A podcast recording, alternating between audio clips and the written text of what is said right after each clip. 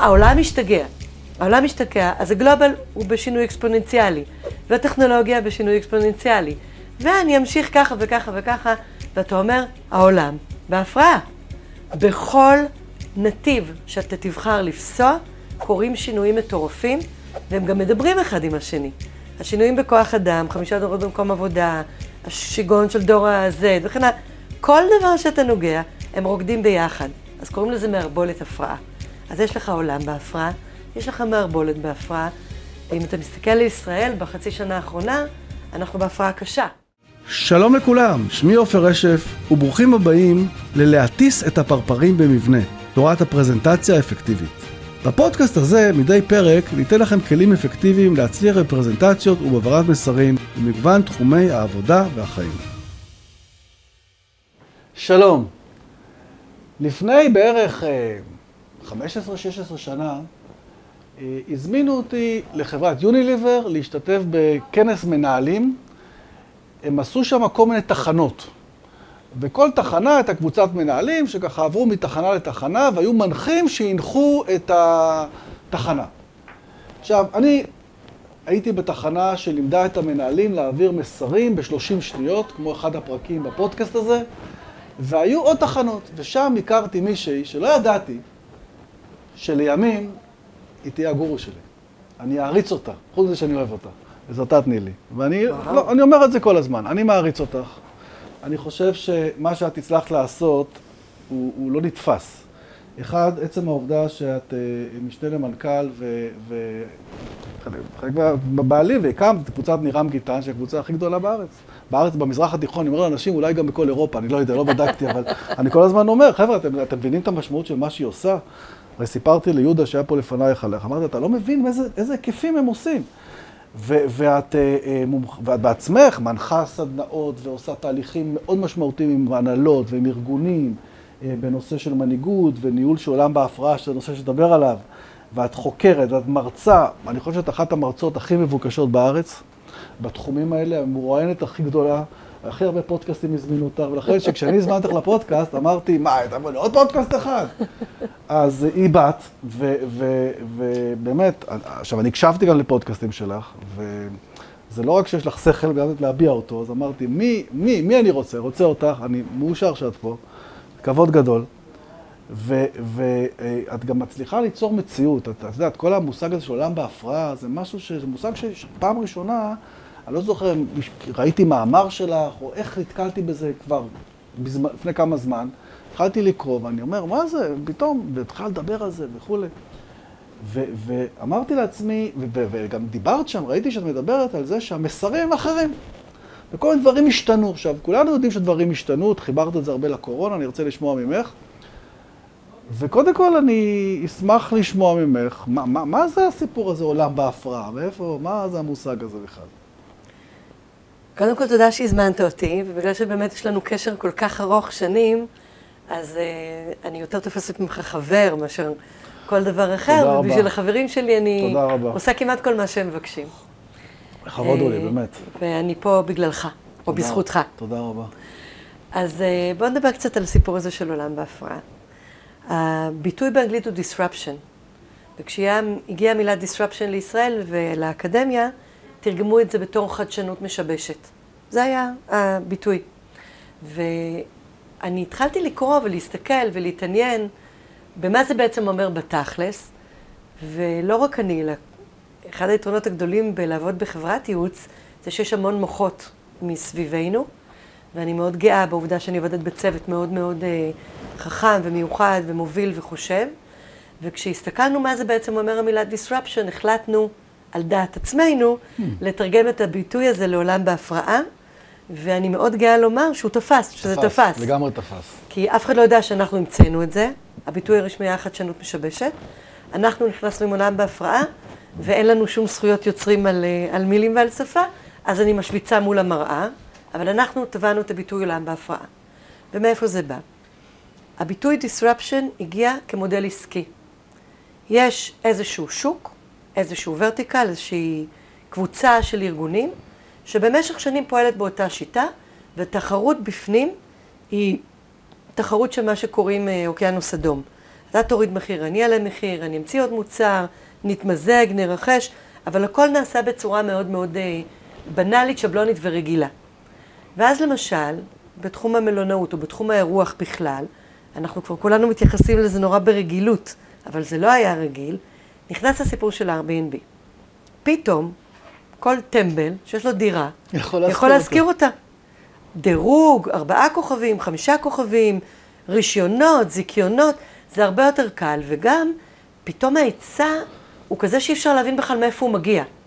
זה נקרא מודל disruption. נכנס מודל עסקי חדש והופך את השוק על פניו. אפשר לדבר אותו דבר על הסיפור של הלואו-קוסט, טיסות הלואו-קוסט, אפשר לדבר אותו דבר על הביטוי של אובר, שהייתי באירופה עכשיו אה, לא מזמן והתמכרתי לאובר, ניסיתי להבין למה אין כזה בארץ, והסתבר לי למה אין כזה בארץ.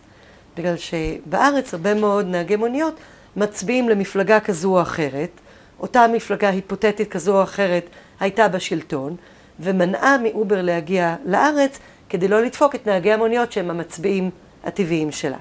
שזה איום ונורא, אבל אני שמה את זה בצד.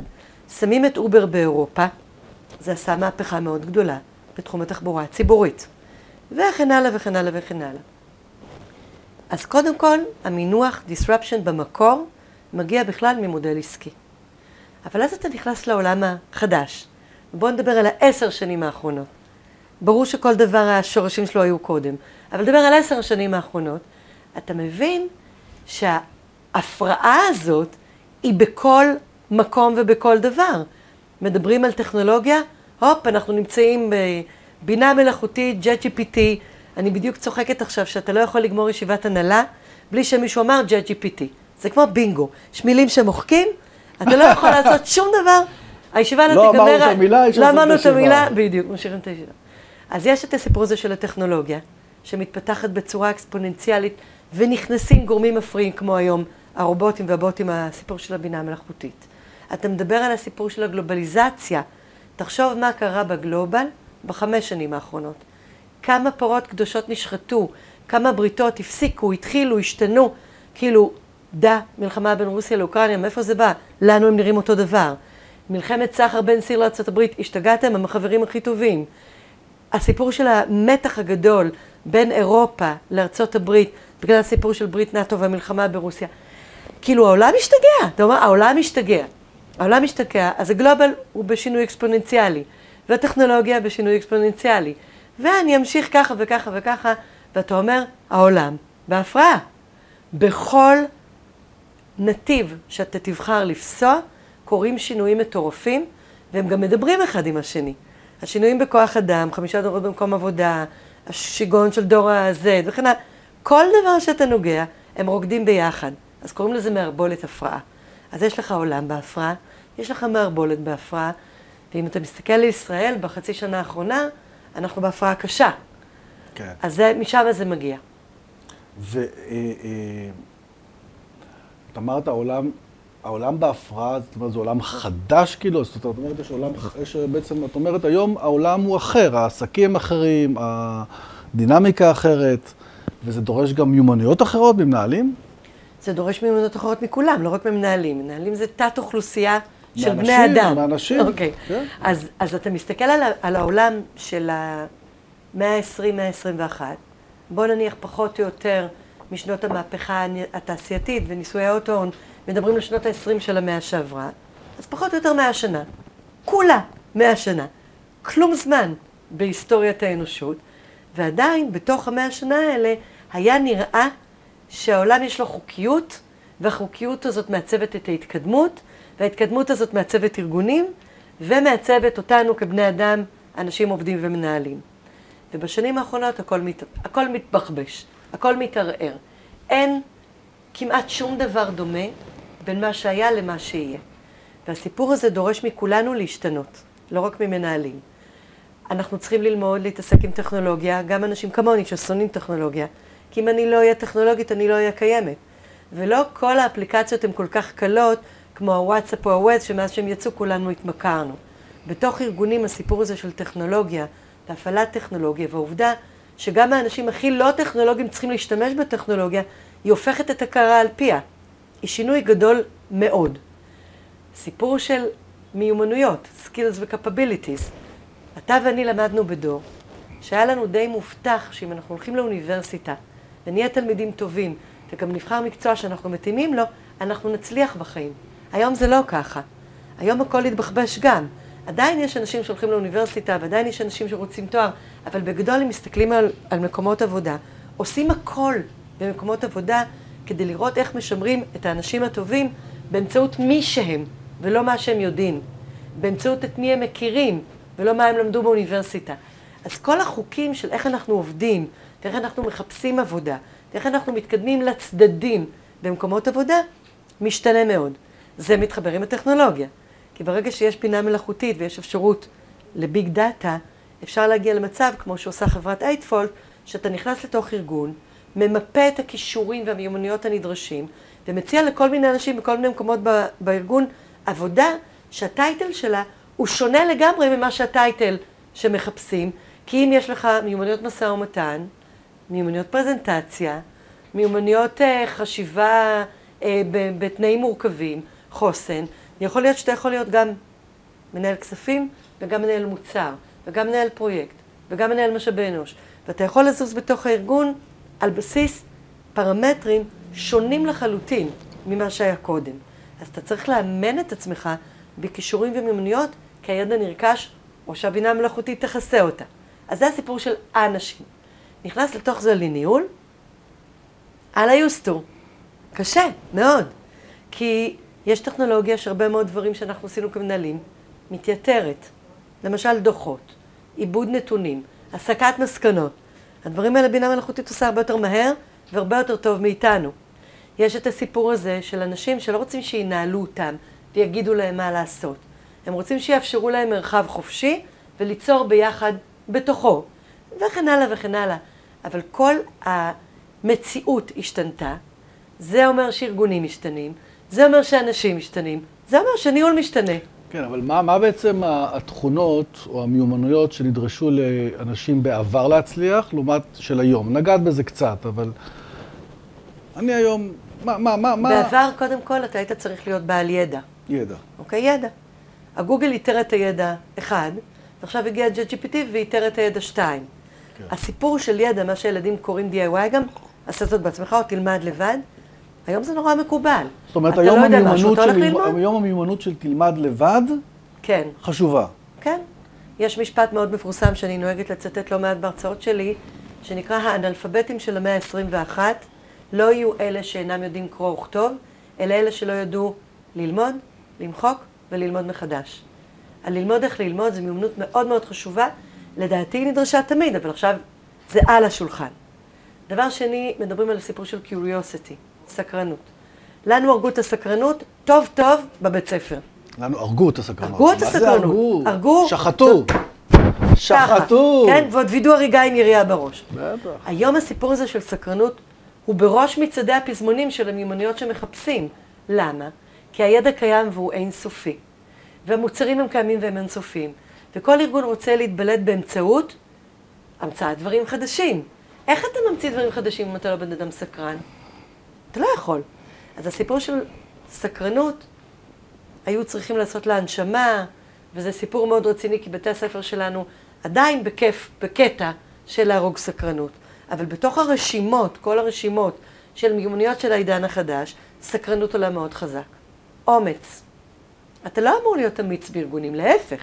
אתה אמור להיות צייתן ופחדן. הרי מאיפה נבנו בתי הספר שאנחנו למדנו בהם?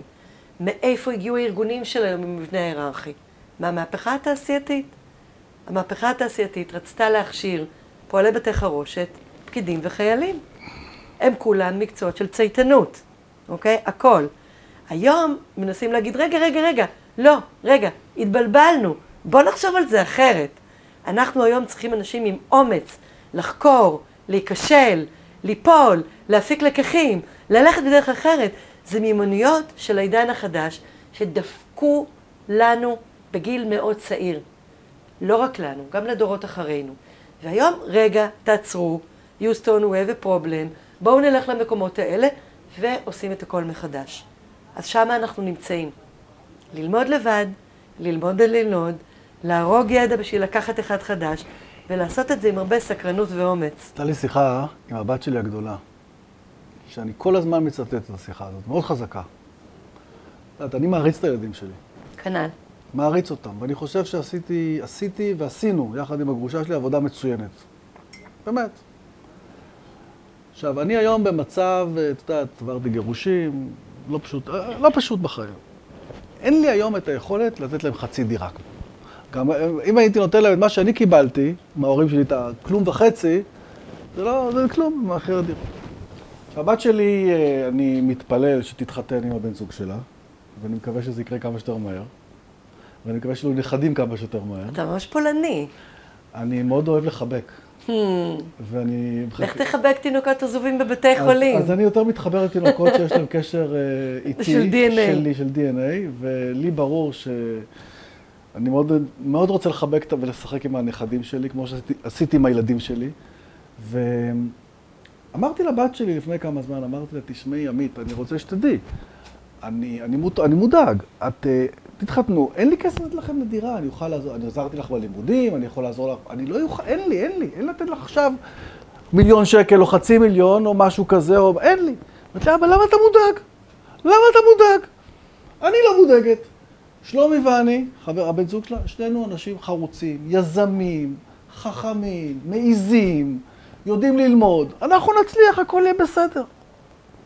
עכשיו תקשיבי, הבחורה, הילדה הזאת, זאת אומרת להמציא מחדש. הילדה הזאת הלכה ללמוד פסיכולוגיה ומדעי המוח. כן? מצד אחד הלכה למסלול הקלאסי, מצד שני, מה היא עשתה לפני הלימודים? מה? היא אמרה, איך אני אפרנס את עצמי ואצליח ללמוד? הלכה, עשתה קורס פילאטיס, לא מדריכת פילאטיס. בקורונה היא עשתה הון תועפות. בקורונה. בזמן שכולם לא עבדו, וגם אחר כך, היא עכשיו הייתה בחילופי סטודנטים. שזה גם כן אומץ וזה, באוסטריה, חצי שנה, סמסטר האחרון עשתה באוסטריה, כי רצתה לראות עולם, ללמוד. משם עשתה שיעורי פילאטיס לארץ. איזה אלופת העולם, כולם מלצרים, שלושה ארבעה שיעורים בשבוע, מצליחה להתפרנס. הנה, הנה דוגמה מצוינת, באמת, לא יכולתי להמציא אחת יותר טובה. למה אפשר לתת ומה אי אפשר לתת לאנשים האלה. אני אגיד לך משהו שבדור שלנו הוא היה מוזר וגם בדור שלנו, אני אמרתי את זה, כסף זה לא הכל בחיים. נכון. יש הרבה מאוד דרכים להצליח. ואתה בוודאי מכיר את המחקרים של האינטליגנציה הרגשית, שאומרים שיש לו, מי שיש לו כסף, הוא לא בהכרח מאושר. לגמרי. אז אם אנחנו רוצים לאחל לילדים שלנו, ברור שנאחל להם אושר ואושר, אבל אם אני אצטרך לבחור, ואני אהיה עם הגב לקיר, אני אאחל לילדים שלי אושר באלף. חד משמעית. כי אני חושבת שזה יותר חשוב. חד משמעית. ואני יכולה להגיד לך מה אתה יכול לתת לה, וזה מה שמנהלים אמורים לתת לאנשים שעובדים איתם במאה הזאת. אומץ, ללכת אחרי הלב שלהם, רוח גבית, ללכת אחרי ההצלחות שלהם, והרבה מאוד יכולת להכיל דברים שהם לא אתה, שהם של מישהו אחר. אתן לך דוגמה, משהו מקסים. לפני כמה שנים ראיתי בארצות הברית אה, פרופסור אה, מאוד מפורסם מאנגליה, הוא הודי, הוא חוקר באוקספורד, קוראים לו פרופסור סומטה מיטרה. הוא זכה בהרבה מאוד פרסים יקרי ערך בתחום החינוך בעולם, ולתחום החינוך יש השפעה מאוד גדולה על תחום התעסוקה, אז הלכתי לשמוע את ההרצאה שלו. יש לו פרויקט שעליו הוא זכה בכל הפרסים, שנקרא The Hole in the Wall, החור שבקיר. הוא הלך לכפרים מאוד נידחים בהודו, ושם מחשב בחור של הכספומט, כי אין שם כספומטים. אז יש חור של כספומט, שם מחשב, והלכו החבר'ה, הלכו החוקרים. חזרו אחרי ארבעה חודשים לראות מה קרה. הסתבר שכל הילדים עד גיל מסוים, לדעתי 12-13, למדו לבד להשתמש במחשב. למדו לבד. הם לא היו צריכים אף אחד שילמד אותם, פשוט עשו את זה פיקס. ילדים יותר גדולים לא הצליחו ללמוד את זה, מבוגרים needless to say, ברור שלא. אבל יש משהו מאוד מעניין בניסוי הזה, שזה התפתחות של הניסוי. אם היו ליד זה האחים והאחיות שלהם, כזה גילאי 16-17, שלא הצליחו ללמוד להשתמש במחשב, אבל עמדו שם ואמרו, וואי, איזה יופי, כל הכבוד לך, איך הצלחת? כזה, זה העלה את יכולת ההטמעה בכמה עשרות אחוזים. מסקנה, אם אתה מקבל עידוד על משהו שאתה עושה, בעיקר אם זה משהו, החלטה לא קונבנציונלית, כמו, כמו למשל בדור שלי, אם אתה שווה, אתה הולך לאוניברסיטה. אין דבר כזה לא ללכת לאוניברסיטה. ובדורות של עכשיו, יש ילדים של החברים שלי, שהחליטו בצורה מובנית ומבוקרת לא ללכת לאוניברסיטה, ללמוד משהו אחר. ללמוד לבד, לטייל בעולם, לעשות מקצוע שדורש ניסוי וטעייה, אבל לא גופי ידע. חברות שלי מתחרפנות מזה. אם אתה מסוגל כהורה לתת לילדים שלך את העידוד הזה, שמה שהם עושים הוא נכון, ושמה שהם חושבים זה בסדר, ובואנה, תקפצי, תעשי, מקסימום תצליחי, מה קרה? זה הסיפור שאתה יכול לתת לילדים שלך. כולנו נמצאים בסיטואציה שקשה לנו מאוד לתת לילדים שלנו אפילו את מה שאנחנו קיבלנו, כי מדינת ישראל היא מדינה בעייתית שמנוהלת בעייתי, וקשה לנו לתת לילדים שלנו אה, שידן אינה, אינה משגת בדיור. ואני רואה ילדים של חברים שלי עם רעיונות מטורפים, שאני קודם כל צריכה לבלוע את הרוק, לנשום, ואז להגיד, נהדר, מעולה, איזה רעיון גאוני. למשל, קבוצה של חבר'ה שהקימו קומונה בתל אביב. שכרו ביחד מבנה, עשו כל מיני דברים. עשו מבנה משותף לסלון, ומבנה משותף לחדר אוכל, ומבנה משותף למטבח, ויש קומונה שלגור שם זה הרבה יותר זול מאשר בדירה של fucking שניים וחצי חדרים בלי שירותים על גג בתל אביב. בואנה, רעיון גאוני, גאוני. לא הייתי חושבת על זה לבד. אמרתי לבת של החברים ששאלה אותי, מקסים, איזה יופי, ככה גם תכירי מלא אנשים צעירים. ואז יש לי חברה אחרת שבאה להעביר שם חוגי יוגה. תיתן לילדים שלך אומץ, תגיב בחוסן, תגיד להם לכו תעופו, במבנה או לא, עדיף לא נכון, במבנה. נכון, נכון, נכון. אני חושב שאת ככה זה, גם מנהלים. אני חושב שאת זה אני עושה. אה, But it's not about you, מדברים על ניהול. לא, לא, ניהול, ניהול, לא, אני אומר, אני חושב שאת זה אני עושה, אני חושב שיש הרבה מנהלים שפחות עושים את זה. ופחות, אה, ויותר נותנים, עדיין עובדים בשיטה של לתת מכות בראש. נכון. ואתה לא בסדר, ואתה לא זה, ואתה... נכון, אבל אני אגיד לך משהו אופטימי בעניין הזה, כי אני מסתובבת הרבה מאוד בארגונים ורואה הרבה מאוד אנשים. אני עובדת עכשיו באיזשהו ארגון, לא חשוב מאיזה עדה, שכולם שם יוצאי צבא, בתפקידי הניהול. הסיפור של you jump, you how high, הנהלה שאין שם אישה אחת, גם המשאבי אנוש הוא גבר, הנהלה שכולם מעל לגיל 40, רובם מעל לגיל 50, ועדיין עובדים בסגנון הישן, המאוד צבאי. והמנכ"ל, שהוא בן 60 פלוס פלוס, אומר לי, אומר לי, אני חייב לעשות בזה שינוי. אני מחפש לתפקיד הזה וזה וזה אישה, אני חייב לעשות קצת פרי שמיש, אני צריך להביא לפה סגנון יותר פרי סטייל. אמרתי לו, למה אתה חושב שנשים זה פרי סטייל? שנשים אומר, זה פרי סטייל. שנשים זה פרי סטייל. הוא אמר לי, אם אני אגייס נשים, הן כבר תהיינה הרבה יותר צעירות, והדור הזה, הוא אומר לי, הם כולם יותר פרי סטייל. אז אני ארוויח כפול. אני גם מרוויח את הדור היותר צעיר, ואני גם מרוויח נשים. ואגב, מוכח מחקרית שנשים בבסיס שלהן פחות נמצאות באגו, יותר יכולות לשתף פעולה, יש להן יותר חבלה ויותר הקשבה, ועל כן גיוון תעסוקתי, גם בניהול, משנה את האופי הניהולי של הארגון. אני תמיד אמרתי, ואמרו שאני אומר את זה בשביל להתחנף לנשים, שנשים בבסיס הן יותר מוכשרות. בהכללה, יותר תקשורתיות. כשהייתי נשוי והיינו נפגשים הזוגות, תמיד הייתי הולך איפה שהנשים יושבות, שם הרבה יותר מעניין. מדברים על דברים מעניינים ועמוקים ולא על שטויות. אה, תגידי, אנחנו מדברים פה, כל הפודקאסט הזה, בסופו של דבר, הוא סביב נושא של מסרים. אז איך את רואה את המסרים שהיום אנשים מעבירים, אם זה בארגונים, אם זה בכלל, לעומת המסרים שהוא בעבר, ואיזה מין סוגי מסרים צריך להעביר. אז נגעת בזה קצת, שאמרת, תגיד להם שאתה יכול... בואי, בואי תרחיבי על זה קצת. נחמד שאתה שואל את זה, כי אני פחות מתעסקת עם זה בשגרה שלי, אז זה קצת נחמד לי וחדש לי ומעניין לי. אני אגיד כמה עקרונות. דבר ראשון, אני חושבת שהעולם הולך לכיוון אה, שאנחנו יוצאים מהדיספשן. כי אנחנו נמצאים בעולם שיש הרבה מאוד עמימות, ואפשר לשקר, ואפשר להגיד כל מיני דברים, alternative facts, ואנחנו יוצאים משם. ראיתי היום בבוקר במקרה איזשהו קליפ של אה, ליאור שליין, שהוא מדבר, אני כבר לא זוכרת אפילו מי, אבל אחד השרים, אני חושבת אפילו בממשלה הקודמת, והוא אומר, הוא אמר ככה וככה וככה, ומראים את הככה וככה וככה, ואומר, ובואו אני אגיד לכם את האמת, והוא מביא את המספרים. כמעט כל דבר שנגיד, כמעט בכל פורום, בוודאי בכל נושא, יהיה מי שייקח ויעשה על זה מחקר, הוא ימצא את הנתונים האמיתיים. אז מה שנכנס עכשיו המון לספרות הניהולית, זה הסיפור של אותנטיות. אל תרמה, אל תשקר, אל תעבוד על אף אחד. תבדוק את העובדות שאתה מדבר עליהן, תביא את העובדות כהווייתן, ואל תגיד לאנשים משהו שאתה לא חושב אותו, או לא מאמין בו, או מנסה לעשות מניפולציה. כי רואים לך. כי רואים לך.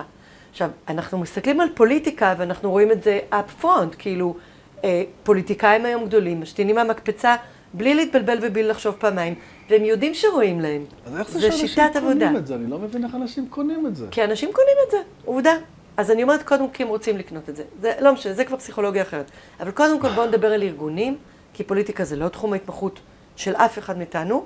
שלך קצת, עברת ליד. הייתי פעם, אני, כן. אני פשוט לא, לא יכולתי לחיות עם נכון? החוסר אותנטיות הזאת. עברת ליד, אני שמה את הפוליטיקה בצד. אוקיי. אני מאמינה שהממשל הזה יקרוס לתוך עצמו, לכן אני לא מתעצבנת ולא מבוהלת ולא נרגשת. הממשל הזה יקרוס לתוך עצמו, כי זה לא יכול להיות אחרת. אבל אני מדברת על ארגונים, כי זה כן תחום ההתמחות כן. שלי. אני מסתכלת על מה קורה היום במרחב הזה. אנשים אותנטיים עוברים יותר טוב מאנשים לא אותנטיים. יש uh, סיפור, זה גם, היה שנה שעברה uh, הרבה מחקר על זה, נקרא The Crying CEO, המנכ"ל הבוכה. המנכ"ל של Airbnb בתחילת הקורונה, אחרי שהתחילו הלוקדאונס בכל העולם, היה צריך לפטר הרבה מאוד אנשים. ואנשים שהלכו את הדרך עם החזון שלו מההתחלה, לפני שהבנו שזה בכלל אפשרי. והוא בכה כשהוא דיבר. וזה עבר במלא מלא מקומות, ובהתחלה אנשים אמרו, איך הוא לא מכיל את עצמו, איך הוא לא מחזיק את עצמו, ואז זה עבר לוואו, אותנטי, גבר, בוכה, מחובר לרגשות, עבר לסלאפ של הרשתות. משהו כמו שנה אחר כך, היה איזה מנכ"ל אחר, שאינני זוכרת את שמו, שפיטר שניים וחצי אנשים ורץ לבכות בשידור ישיר, והרשת קטלה אותו. למה? אתה מנכ"ל, פיטרת שניים וחצי אנשים, אתה ישר רץ לספר לחבר'ה, רואים שאתה עושה את זה בשביל הרייטינג. כי זה כאילו נחשב להיות רגיש ואמפתי והכל. מה היה ההבדל בין מקרה א' למקרה ב'? הסיפור של האותנטיות. אז הסיפור של אותנטיות בהעברת מסרים מאוד חשוב. הדבר השני, אתה כבר לא יכול לעשות אחד בפה, אחד בלב. אנשים תופסים אותך. זה יושרה, כן. זה אינטגריטי. כן. אם אתה תגיד, אסור לשתות אלכוהול, אסור לשתות אלכוהול, אני לא רוצה שאנשים אצלנו בחברה ישתו אלכוהול, ואז תופסים אותך מצולם באיזה פאב בתל אביב, שותה את אלכוהול. ראית פרק הראשון איתי? סתם מסקרן. לא, אותי, לא ראית, ראיתי. כי, כי, כי זה פשוט דברים שאני אמרתי שם. וואלה. שאלה, היא שואלת אותי, המראיינת, קודם כל תקשיבי, מה זה?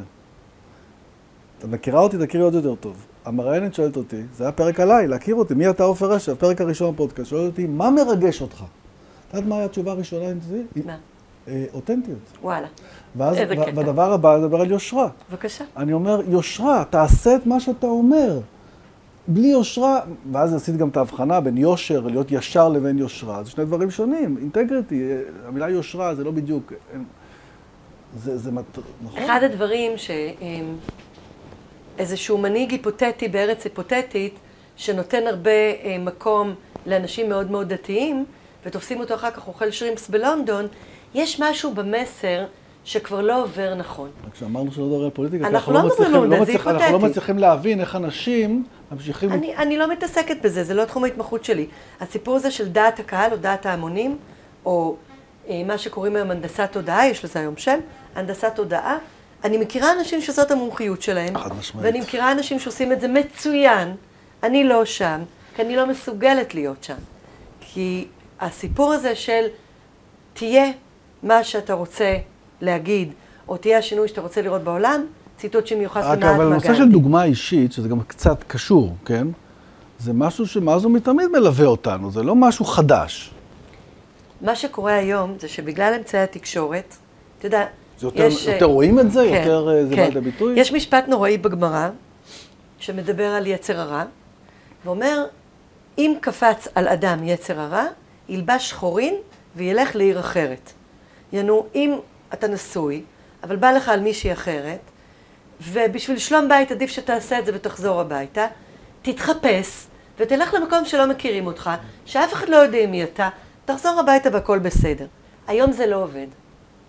כי גם באותה עיר אחרת וגם תלבש שחורים, יכירו אותך. יכירו אותך, ידעו אותך. יצלמו אותך, מישהו יספר, מישהו יגיד, זה מתבטא. אז אנחנו חיים בעידן מדהים ומטורף, שבו הקטע של האותנטיות והקטע של היושרה, אי אפשר כל כך לשחק אותם.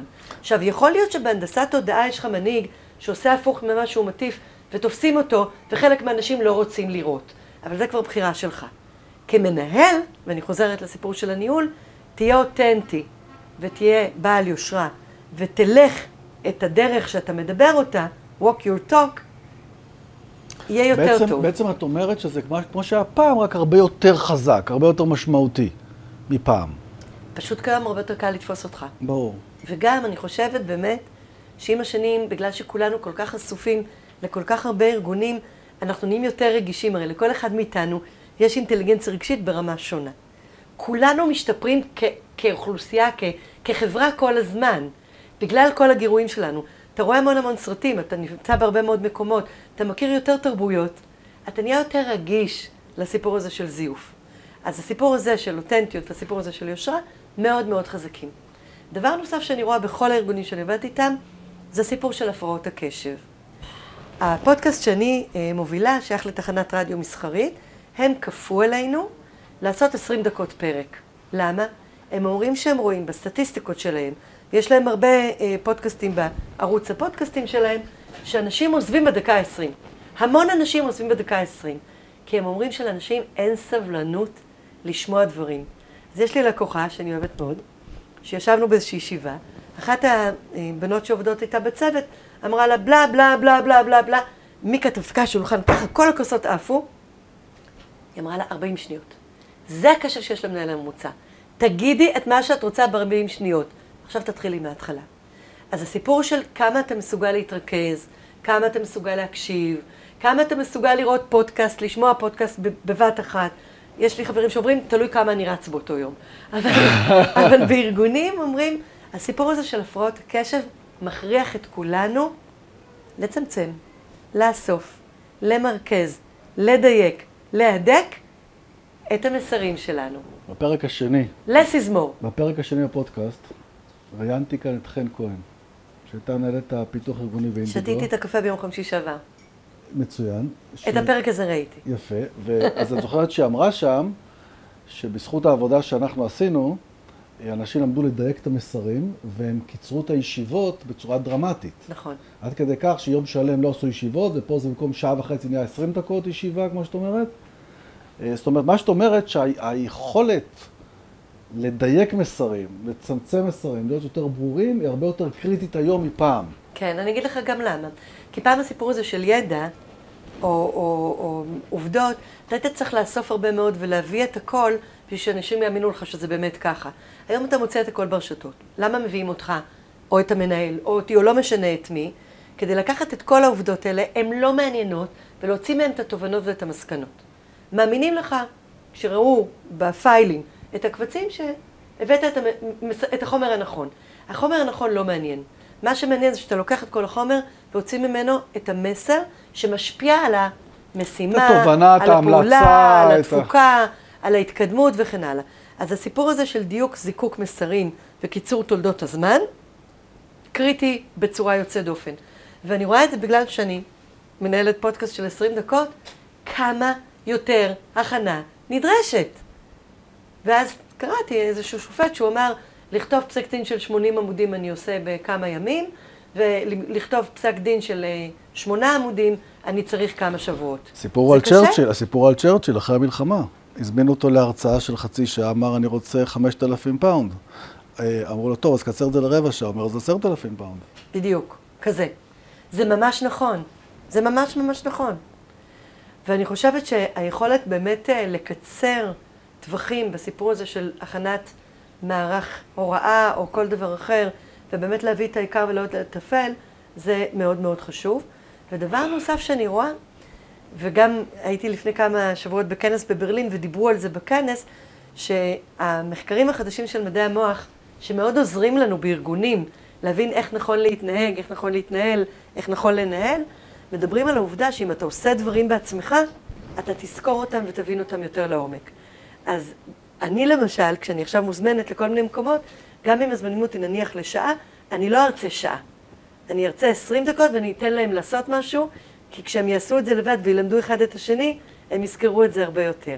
עכשיו, תמיד ידענו שלשחק גורם לאנשים להפנים התנהגויות הרבה יותר בקלות. היום מדברים על זה כמעט בכל גוף ידע. תן לאנשים ללמוד לבד, תן לאנשים להסיק את המסקנות לבד. לתרגל. תן לאנשים לתרגל לבד. תן לאנשים כל דבר שהמוח יפעל ככה, שהחיווט יהיה שלהם ולא שלך. וככה הם ילמדו אני ויזכרו חייב יותר. להגיד לך שאני, לצערי, הרבה פחות אופטימי ממך. אני אגיד לך מדוע.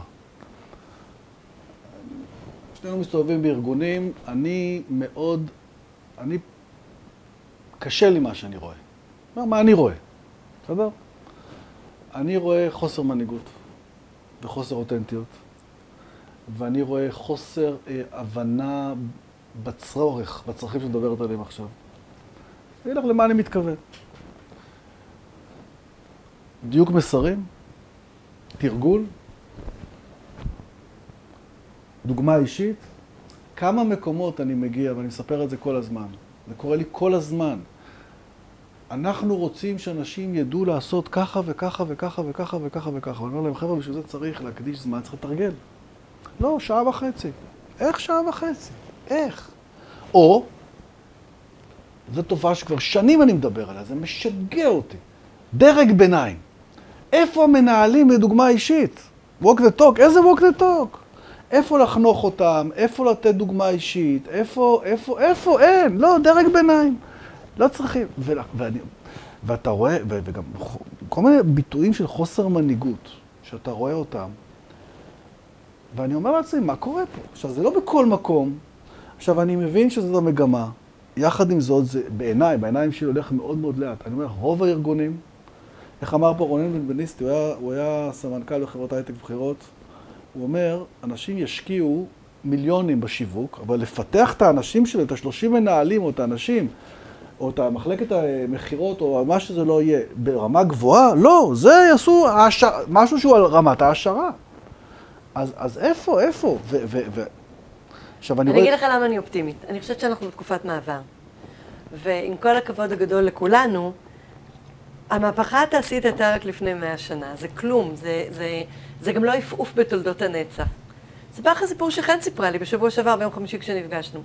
היא סיפרה לי שאיזה קרובת משפחה שלה, או בת של חברים, אה, עשתה בצבא איזה תפקיד מאוד מאוד אה, נחמד במודיעין, וקיבלו אותה בשכר מאוד מאוד גבוה לאיזושהי חברת הייטק, היא עבדה שם כמה חודשים, ואחרי כמה חודשים התפטרה.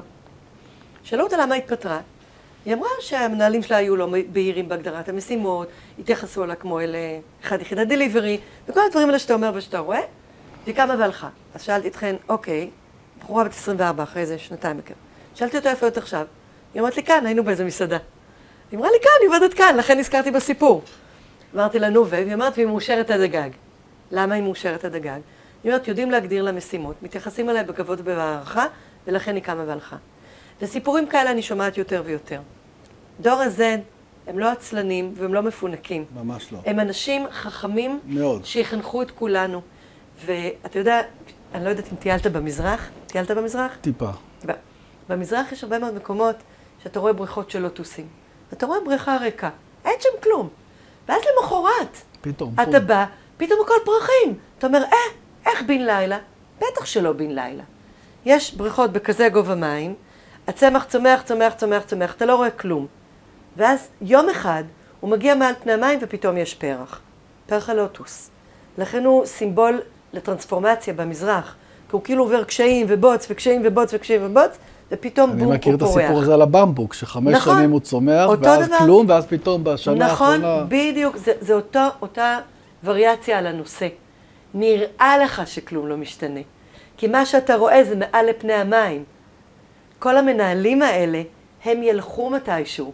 החבר'ה הצעירים שנכנסים בעבודה, יעשו ככה, כן, זה פום! ייקח עוד כמה שנים. יום אני- אחד. אני כן רואה כן, את זה זה אצל החבר'ה. שהם בני 30 ומטה. נכון, אלה שלא חושבים שאלוהים אה, עובד. נכון. כי יש גם כאלה. נכון, שאני לא יודע, לא רוצה להגיד השתן עליהם לראש, שאתה אתה רואה, ראיתי גם כאלה וגם כאלה. זאת אומרת, יש כאלה שהם בני 30 ומטה, מאוד מקצוע, אבל, אבל אני אתן לך דוגמה מארגון אחד, עוד פעם, לא חשוב מאיזה עדה, התחלף מנכ"ל, כולם שמחו לבואו של המנכ"ל החדש, כי הקודם היה על הפנים. המנכ"ל החדש הגיע הבטחה גדולה, תוך שלוש שנים התחלפו ארבע סמנכ"ליות משאבי אנוש. ברור שבחברה האם מתחילים להגיד, אה, נו באמת, הראשונה בסדר, הייתה עם המנכ"ל הקודם, השנייה בוא נניח שהיא על הפנים, השלישית, אה, כאילו, ארבע זה כבר מגמה. אני שמעתי כבר רכילות במסדרונות של החברה האם, שכבר אומרים, אולי הבעיה היא לא בדיוק בארבע הנשים האלה שעכשיו מגיעה החמישית, אלא אולי במנכ"ל, שחושב שזורח לו וכן הלאה. שנים זה לא הרבה עופר, אנחנו בני חלוף. אם אתה מדבר על מגמה, מגמה היא מעבר לשנים. המגמה היא לכיוון של אותנטיות וחמלה ו mentoring ו diversity וניהול שותפויות. אלה המגמות העולמיות. ואני קוראת מחקרים וקוראת. את יודעת יותר ממני. אני קודם כל אה, מתמלא באופטימיות, כי את יודעת הרבה יותר ממני, ואת מסתובבת בהרבה יותר מקומות ממני, ואני שמח שאת, אה, שזה מה שאת רואה. אני רואה, אני רואה איך הניצנים נמצאים. זה, לא, זה, לא, זה עדיין לא הפרחים הניצנים.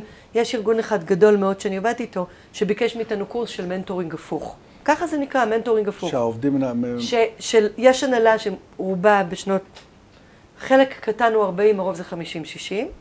ועשו שם פרויקט שביקשו מכל מנהל יחידה להביא בן אדם מאוד צעיר ביחידה שלו, שהוא חושב שהוא טאלנט, ועשו מה שנקרא shadow management, הנהלת צללים. לקחו את האסטרטגיה העסקית של החברה, נתנו לקבוצה הזאת, קחו, דברו על זה, תביאו לנו את המסקנות. ואחר כך לקחו את החבר'ה צעירים האלה, והם היו צריכים לתת mentoring לאמנים ליותר בכירים, איך הם חושבים. אמנם ראיתי את זה רק באיזה חמישה-שישה ארגונים ולא במיליון ומאתיים, אבל ראיתי. אז זה כבר קיים. כבר ארגונים משלמים על זה כסף. אז זה פה. אבל זה כמו הבמבוק וזה כמו הלוטוס. באיזשהו שלב, בום! אגב, כל הסיפור שיש עכשיו עם סיפור מעמד האישה. מה יהיה איתנו? אנחנו נהיה... אנחנו כבר, אלתר קקס, אנחנו כבר נהיה בבתי אבות ונסרוג אה, צמידים. אני אומר לעצמי כל הזמן, כמה שנים עוד ייקחו אותנו? כי... ייקחו אותנו. ייקחו אותנו, אתה יודע למה? כן. כי לכל גיל יש את היופי שלו. יש uh, במיתולוגיה הקלטית אלה שנקראת The Triple Goddess, תרגמו את זה בעברית לאלה בעלת שלושת הפנים. יש שלוש פנים, מציירים את האלה הזאת, ש... כאילו שלושה הפנים, הפן של הילדה, של האישה ושל האלדר, של הזקנה. כי לכל אחת מהן יש תכונות אחרות. הילדה היא צעירה ואמיצה ואותנטית. המבוגרת שומרת פסון ויש לה חוסן. והזקנה, יש לה את הוויזדום של הניסיון. ביחד זה שלם. אנחנו פשוט לא נהיה ילדה ולא נהיה אישה, נהיה elder of the tribe. אבל יש לזה המון המון ערך. כן. אז אנחנו נהיה פשוט במקום שאולי אתה לא רוצה להיות בו, אני מקבלת אותו באהבה ובשלווה. לא, אין לי שום בעיה להיות בו, אני, אני חושב, תראה, אני, אני לא אין לי בעיה להיות פה, תקשיב, אני כבר 30 שנות ניסיון, אני 30 שנה בעסק, בצורות כאלה ואחרות, בווריאציות כאלה, ו-30 שנה, תכל'ס 30 שנה, אני... למה, את הספר הזה הוצאתי לקראת זה שאני, זה השנה ה-30. אני בספטמבר 93 התחלתי את העסק. תכלס. אני התחלתי בפברואר 90. לפניי. כן, יותר זקנה. בסדר. אגב, בפברואר 90 אני התחלתי את העסק, אבל לא ידעתי שהתחלתי את העסק. את יודעת שההרצאה הראשונה שלי, את יודעת על מה היא הייתה? הראשונה שהתפרנסתי ממנה. נו. על המסע שלי לדרום אמריקה. אני חושבת שסיפרת לי את זה פעם. כן, אני, אני, וזה היה בערך אז. אני חזרתי מדרום אמריקה בספטמבר 89. והתחל, ו, וחודש אחרי זה העברתי את הסיפור עם שקופיות לחבר'ה, ואז אימא שלי, ידידה שלי, הציעה לי שאני אתפרנס מזה, ובניתי הרצאה, ועשר שנים, גם כשהייתי בארגונים, כבר התפ... נהניתי, התפרנסתי, על תקן בידור, כן? על תקן בידור, עשיתי הרצאה על דרום אמריקה, זה היה ב-90, זה היה בתחילת שנת 90. עם פליירים שחילקתי ומי... אני ממש מתרגשת מזה שאני הופכת ל-Elder of the Tribe, אני חושבת שיש לזה המון המון אה, עוצמה ויופי. כי אני מכירה הרבה מיתולוגיות של עמים עתיקים על כדור הארץ. הכבוד שנתנו לזקנים של השבט היה אינסופי, והדורות האחרונים שלנו קצת מזלזלים בחוכמה שמגיעה מניסיון. אתה יודע שבעברית המילה זקן, חז"ל מפרשים את זה לזה קנה, חוכמה. הגיל עושה לנו בהרבה מאוד מקרים פרספקטיבה, שארגונים לדעתי שלמו עליהם הרבה כסף. תראה, אני רוצה להגיד לך שיש לי ידידה שהיא מנהל, היא סמנכ"ל משאבי אנוש. היא שנה מעליי, והיא עובדת בסטארט-אפ, שסיפרתי לך עליו קודם. הסטארט-אפ הזה, היא בת 59, הכי מבוגר שם 30. היא עוף מוזר, אתה נכנס לשם, אני עבדתי איתם קצת, הפעילה אותי קצת, אתה מסתכל, אנשים מתלבשים כמו איפסטרים, זה לא אפילו, לא תגידי מכסיים קצרים, חולצה קצרה, זה כמו איפסטרים. והיא מתלבשת... כמו בן אדם מן היישוב. כמו בן אדם מן היישוב ובגילה. והתחושה שלי, היא לא אמרה לי את זה במפורש, שהם לא מעריכים אותה כמו שצריך, כמו שמבינים, ולא נותנים לה את המקום, ולא נעזרים בה כמו שהם היו יכולים. והיא באיזושהי, בעיניים שלי, באיזושהי מצוקה שהיא צריכה להתאים את עצמה אליהם, כי אחרת היא לא תהיה שם. ואם אני, ויכול להיות שאפילו היא כבר מחפשת מקום אחר, כי זה לא מתחבר. זה לא מתחבר. יכול להיות, אבל אני עדיין חושבת שהסיפור של דייברסיטי, של חמישה דורות במקום עבודה, של תרבויות שונות, של מגדרים שונים, אה, יש לזה המון המון ערך והמון המון יופי, כי העולם שלנו כל כך מורכב, ששבח נקודות המבט נספר. נספר. ואני רואה יותר ויותר ארגונים שמבינים את זה ובונים צוותי חשיבה ככה. ואני חושבת שזה מקסים. מצוין. תראה, אני... אני חושב שארגונים, קודם כל, טוב שיש אותנו. אני חושב שטוב, אני חושב שאנשים, יש הרבה מאוד מקומות שטרם הפנימו את העובדה שלעבוד עם אנשים כמונו, זה מכפלת כוח בשבילם. זה נותן להם כלים, זה החזר השקעה מטורף. אבל יש להם אגו. כן. והאגו אומר, אני לבד, אני לבד. והגבר הישראלי בוודאי לא רוצה לשמוע עצות מאף אחד, ועדיין רוב המנהלים הבכירים הם גברים ישראלים, וקשה מאוד לבן אדם שחושב שלשמור על הפאסון זה אומר, אני יודע הכל, לקחת אנשים שיפדבקו אותו, או יגידו משהו שונה. זה, זה אחד הדברים של מנהיגות, כי מנהיגות נכון? אחד הדברים שמנהיג מבין שאין לו מונופול על השכל. נכון. ויש יותר כאלה. יש הרבה כאלה שחושבים שיש להם מונופול על השכל. נכון. ו- ו- וזה דברים, יעבור. ואחד הדברים, כן, ואחד הדברים גם שאני אומר הרבה פעמים לאנשים ששואלים את עצמם לקחת מישהו כמונו. אנחנו לא ילדים, לכן אנחנו מבקשים כסף בהתאם. אני אומר להם, חבר'ה, תראו, הצעירים זה צעירים, כל אחד, מה אתה, עכשיו אתה רוצה?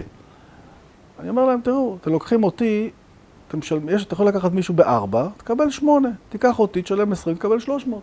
מה, מה עדיף? אתה מכיר את הסיפור הזה של פיקאסו, על פיקאסו? נו. No. זה סיפור נורא נחמד, ש... אני לא זוכרת איך קוראים, ג'יי, ג'יי ג'טי, איזה בחור הודי שיש לו פודקאסטים נורא כיפים ויש לו כל מיני סרטונים מגניבים. אז הוא מספר באיזשהו מקום שפיקאסו הולך בשוק בברצלונה, ועוצרת אותו איזו אישה מבוגרת ואומרת לו, או, מאסטר, מאסטר, בבקשה תצייר פורטרט שלי. הוא טק טק טק מוציא אה, פנקס, מצייר, אה, נותן לה ואומר 20 אלף דולר. היא אומרת לו, מה 20 אלף דולר? אתה באת פחות מארבע דקות. הוא אומר לה, ארבע דקות וארבעים שנה. זה הסיפור. ואני למדתי כבר לחייך כשמישהו אומר לי, לקחנו את x ב-x מינוס ככה. יופי, בהצלחה, איזה יופי. חלק חוזרים. Okay. כן. כי צריך ליפול ולקום וליפול ולהבין. נכון. גם כשאתה בא בענווה לדיון, הוא אומר, באתי כדי לראות מה אפשר לעשות יותר טוב או אחרת. תעזוב שנייה את הכסף. נכון. את הפרדיספוזיציה. נכון. יש כאלה שכן, יש כאלה שלא, הכל בסדר. תגידי לי, אמ, הזכרת את זה קודם, חייבים לדבר על זה. משהו קורה במדינה הזאת. מטלטל. וזה משפיע מאוד uh, בצורה דרמטית על ארגונים, כי ארגונים נוטלים עמדה ונותנים לעובדים שלהם לצאת להפגנות, ואני בטוח, אני יודע, תראה, הבת שלי עובדת עכשיו בעבודה זמנית כמה חודשים עד שהיא תתחיל ללמוד. מספרת לי מה קורה שם. היא אומרת, אני, אין לי כוח להתווכח, אבל, אבל אנשים כמעט הורגים אחד את השני סביב הדברים שקורים במדינה, ואיך את רואה... אה, את הנושא של התפקיד של המנהלים והמנהגות והעברת מסרים בסיטואציה הזאת בכלל, בסביבה של קונפליקטים בפרט. איך עושים את זה? קודם כל אנחנו חוזרים לסיפור של המנהיגות, כי אני מכירה כל מיני התנהגויות שונות של מנכ"לים שונים. יש מנכ"ל אחד שאני עובדת איתו, שנפגשתי איתו שבוע שעבר, הוא הוציא מכתב לכל החברה, כמה אלפי עובדים, ונתן אישור אה, ללכת להפגנות. ואז באו אליו אנשים שתופסים את הצד השני לסכסוך המתוקשר, ואמרו, אז למה אין חצי יום אה, חופש בתשעה באב? והוא אמר להם בצורה מאוד חריפה, כי אנחנו מגנים על דמוקרטיה, ואנחנו בעד פלורליזם, ואתם מנסים להחזיר אותנו אלפיים שנה אחורה. הוא לא כתב את זה במכתב לעובדים, הוא אמר את זה לבחור בפינת קפה, אבל תוך שנייה כולם ידעו את זה. זאת אומרת, הוא אמר את מה שהוא מאמין בו, הוא עומד בראש ארגון, הוא לקח צד, ויש, והוא, אה, והוא הוסיף ואמר לאותו בחור בפינת קפה, ואם זה לא מוצא חן בעיניך, הדלת פתוחה. אוקיי? זה סוג של נקיטת עמדה, שאתה יכול לאהוב, אתה יכול לא לאהוב, אבל זה נקיטת עמדה מנהיגית שאומרת, פה הדברים ברורים. לעומת זאת, באותו שבוע פגשתי יום אחר כך מנכ"ל אחר, שניהם אגב מנכ"לים מצוינים, כן? שניהם מוציאים אחלה תוצאות עסקיות. שניסח מכתב וניסח ונזהר וניסח ונזהר וניסח ונזהר, וכשהוא הוצא את זה כמעט הוועד השבית את החברה. כלומר, אתה נוקט עמדה פוליטית, הוא בסך הכל אמר שמותר לצאת להפגנות, אגב, גם האלה וגם האלה, וזה ככה מתחשבים עם השכר. וישר קפצו עליו, אתה מכניס פוליטיקה לארגון, אנחנו לא רוצים להכניס פוליטיקה לארגון, והוא התקפל להוציא את המכתב ואמר, מי שרוצה לקחת הפגנות, שיקח עם חופש, אני לא נכנס לזה. אז קודם כל זה שוב עניין של מנהיגות. ועכשיו נשאלת שאלה פילוסופית, והיא שאלה פילוסופית. האם תפקיד המגזר העסקי הוא להתערב במה שקורה ב ecosystem? והתשובה של הרבה מאוד מנהיגים עסקיים, לא רק בארץ, גם בעולם, היא כן. אנחנו חלק מה ecosystem, ויש שם ארגונים ותאגידים שיש להם תקציב יותר גדול מאשר למדינות. ואנשים שעומדים בראש ארגונים מאוד מאוד גדולים, בארץ בקנה מידה של הארץ ובחו"ל בקנה מידה אחר, שנמצאים במקום שיש להם אימפקט מטורף על כולנו, בלי שום קשר לאם אתה יושב בממשלה או בהנהלה של מטא. ואז מנהיגים עסקיים יושבים ומסתכלים על עצמם ואומרים, אנחנו מתערבים או לא מתערבים, ולפחות בארץ, יותר ויותר מנהיגים עסקיים מתערבים.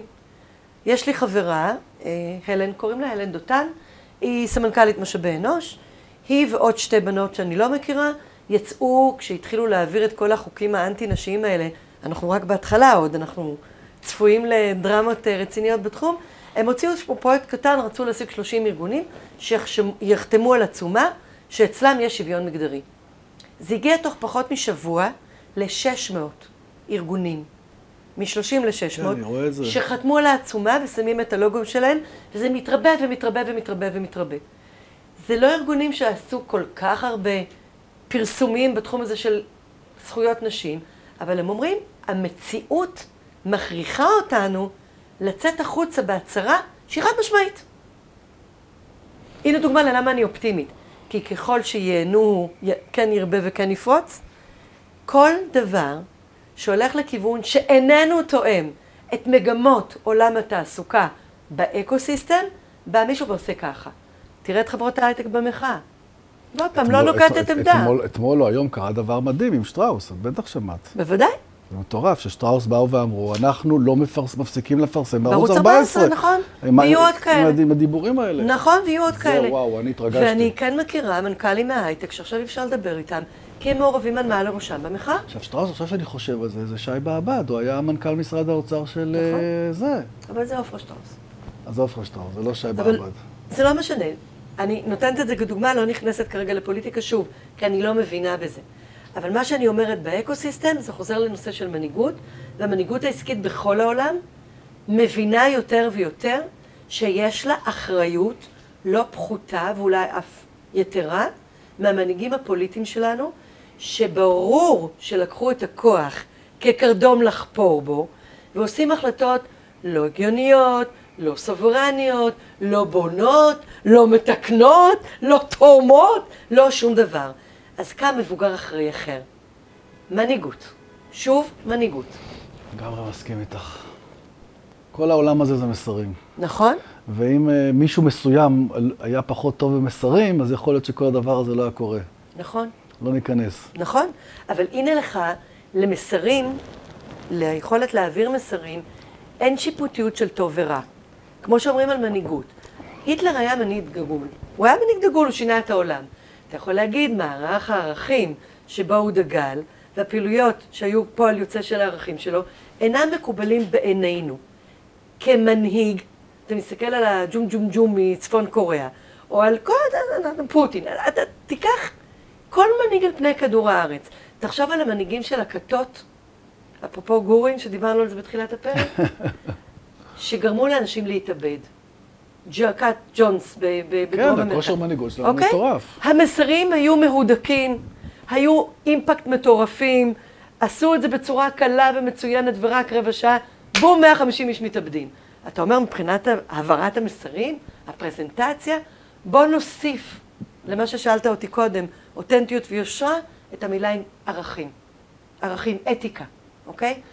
אם אתה רוצה ולבוא ולשנות את המציאות, ומסד הערכים שלך קלוקל, סביר מאוד להניח שאתה תשנה את המציאות, אם אתה יודע להעביר נכון מסרים. השאלה, לאיזה כיוון? אין לי מושג אם את קראת את הספר הקודם. איזה ספר? זה. אה, אני רפרפתי בו כשנתת לי אותו פעם. אוקיי, אז עכשיו את אה, תקראי אותו גם. עכשיו אני אקרא אותו גם. זה המהדורה החדשה. אה, יש מהדורה חדשה. זה חדשה לגמרי. מה זה חדשה? לא לגמרי, יש הרבה דברים שהיו, יש דברים שיש שינויים. לרגל שנות ה-30 אמרתי לך, הוצאתי מחדש, אה, הוספתי דברים, גם סיפורים, גם דוגמאות, וגם הרחבתי פרקים מסוימים שהם הרבה יותר אקטואליים. אמרנו, הקורונה, יש וידאו, איך להופיע בווידאו, זה לא רק לתפעל את התוכנה. חשוב מאוד. ועוד הרבה מאוד דברים. אה, תקשיבי, את מרצה מעולה. יחד עם. זאת, אני רוצה לבקש ממך רק דבר אחד. כן, תקראי את זה. בשמחה. באמת, תקראי באמת? את זה. יכול להיות. פשוט היה לי עותק שמיד נתתי אותו, יש לי כזה קטע, הכל טוב. אני מקבלת ספרים את זה- מחלקת. את זה, אה, כשאני אבוא פעם הבאה אלייך הביתה, עושים לי בוחן פתע. אני עושה לך, לא בוחן פתע, כל רוצה לראות אותו על המדף. לא, זה יהיה במשרד. במשרד, לא משנה איפה, לא. משנה איפה, יש פה גם הקדשה, ותודה. הבקשה היחידה שלי, לא אומר תעשי כלום, תבחרי מה את רוצה לעשות, רק תקראי את זה. בסדר ואני לא אומר. תקראי את זה ביומיים. תקחי לך את הזמן, זה, זה יש פה, אני, אני כשכתבתי את הספר, אמרתי מצד אחד הוא, הוא ספר הדרכה, הוא אמור ללמד איך לעשות את זה הכי טוב, יחד עם זאת אני רציתי שיהיה גם מעניין. כמו עם הפודקאסט, אחד הדברים שאומר לכל כל מי שבא לפה, אנחנו רוצים שיהיה מעניין, וגם יקבלו כלים, שני נכון. הדברים. אותו דבר עם הספר. אז אני גאה לתת לך אותו. תודה, אני גאה לקבל אותו. ו- ואני גאה לזה שאתה מחשיב אותי חברה. אני מחשיב אותך חברה, אה, כן, זה, זה, תראי, זה התחיל מהערצה נטו, ועם השנים למדתי לאהוב אותך ולהכיר אותך, וכן, ואני אני חושב שבכל תחום שאת נוגעת, את עושה קסם, בתחום האהבה שלך, שזה מעורר השראה, הזוגיות שלך, ותחומים אחרים, ותמשיכי לתת השראה לאנשים. תודה, אני אמשיך. תודה שהזמנת אותי. תודה לך. ביי. ותודה לכם, ותודה שהקשבתם, ואני מזמין אתכם להקשיב לשאר הפרקים. בכל פרק מגיע אדם מיוחד, אה, בש, בצ, באופן שהוא מיוחד. באופן שהוא מיוחד עבורי, ותקשיבו, ותיקחו את הכלים, ותיישמו אותם, ותהיו מאושרים. תודה רבה שהאזנתם. מוזמנים לשתף את הפודקאסט לכל מי שאתם חושבים שיכול להפיק ממנו תועלת. אשמח אם תדרגו אותי בחמישה כוכבים באפליקציה שבה אתם מאזינים, ואם אתם רוצים לקבל מידע נוסף על הסדנאות, ההרצאות והקורסים שלי, מוזמנים לחפש עופר רשת בגוגל ולהגיע לאתר שלי, ושם ניתן גם לראות את הפודקאסט אפילו בווידאו.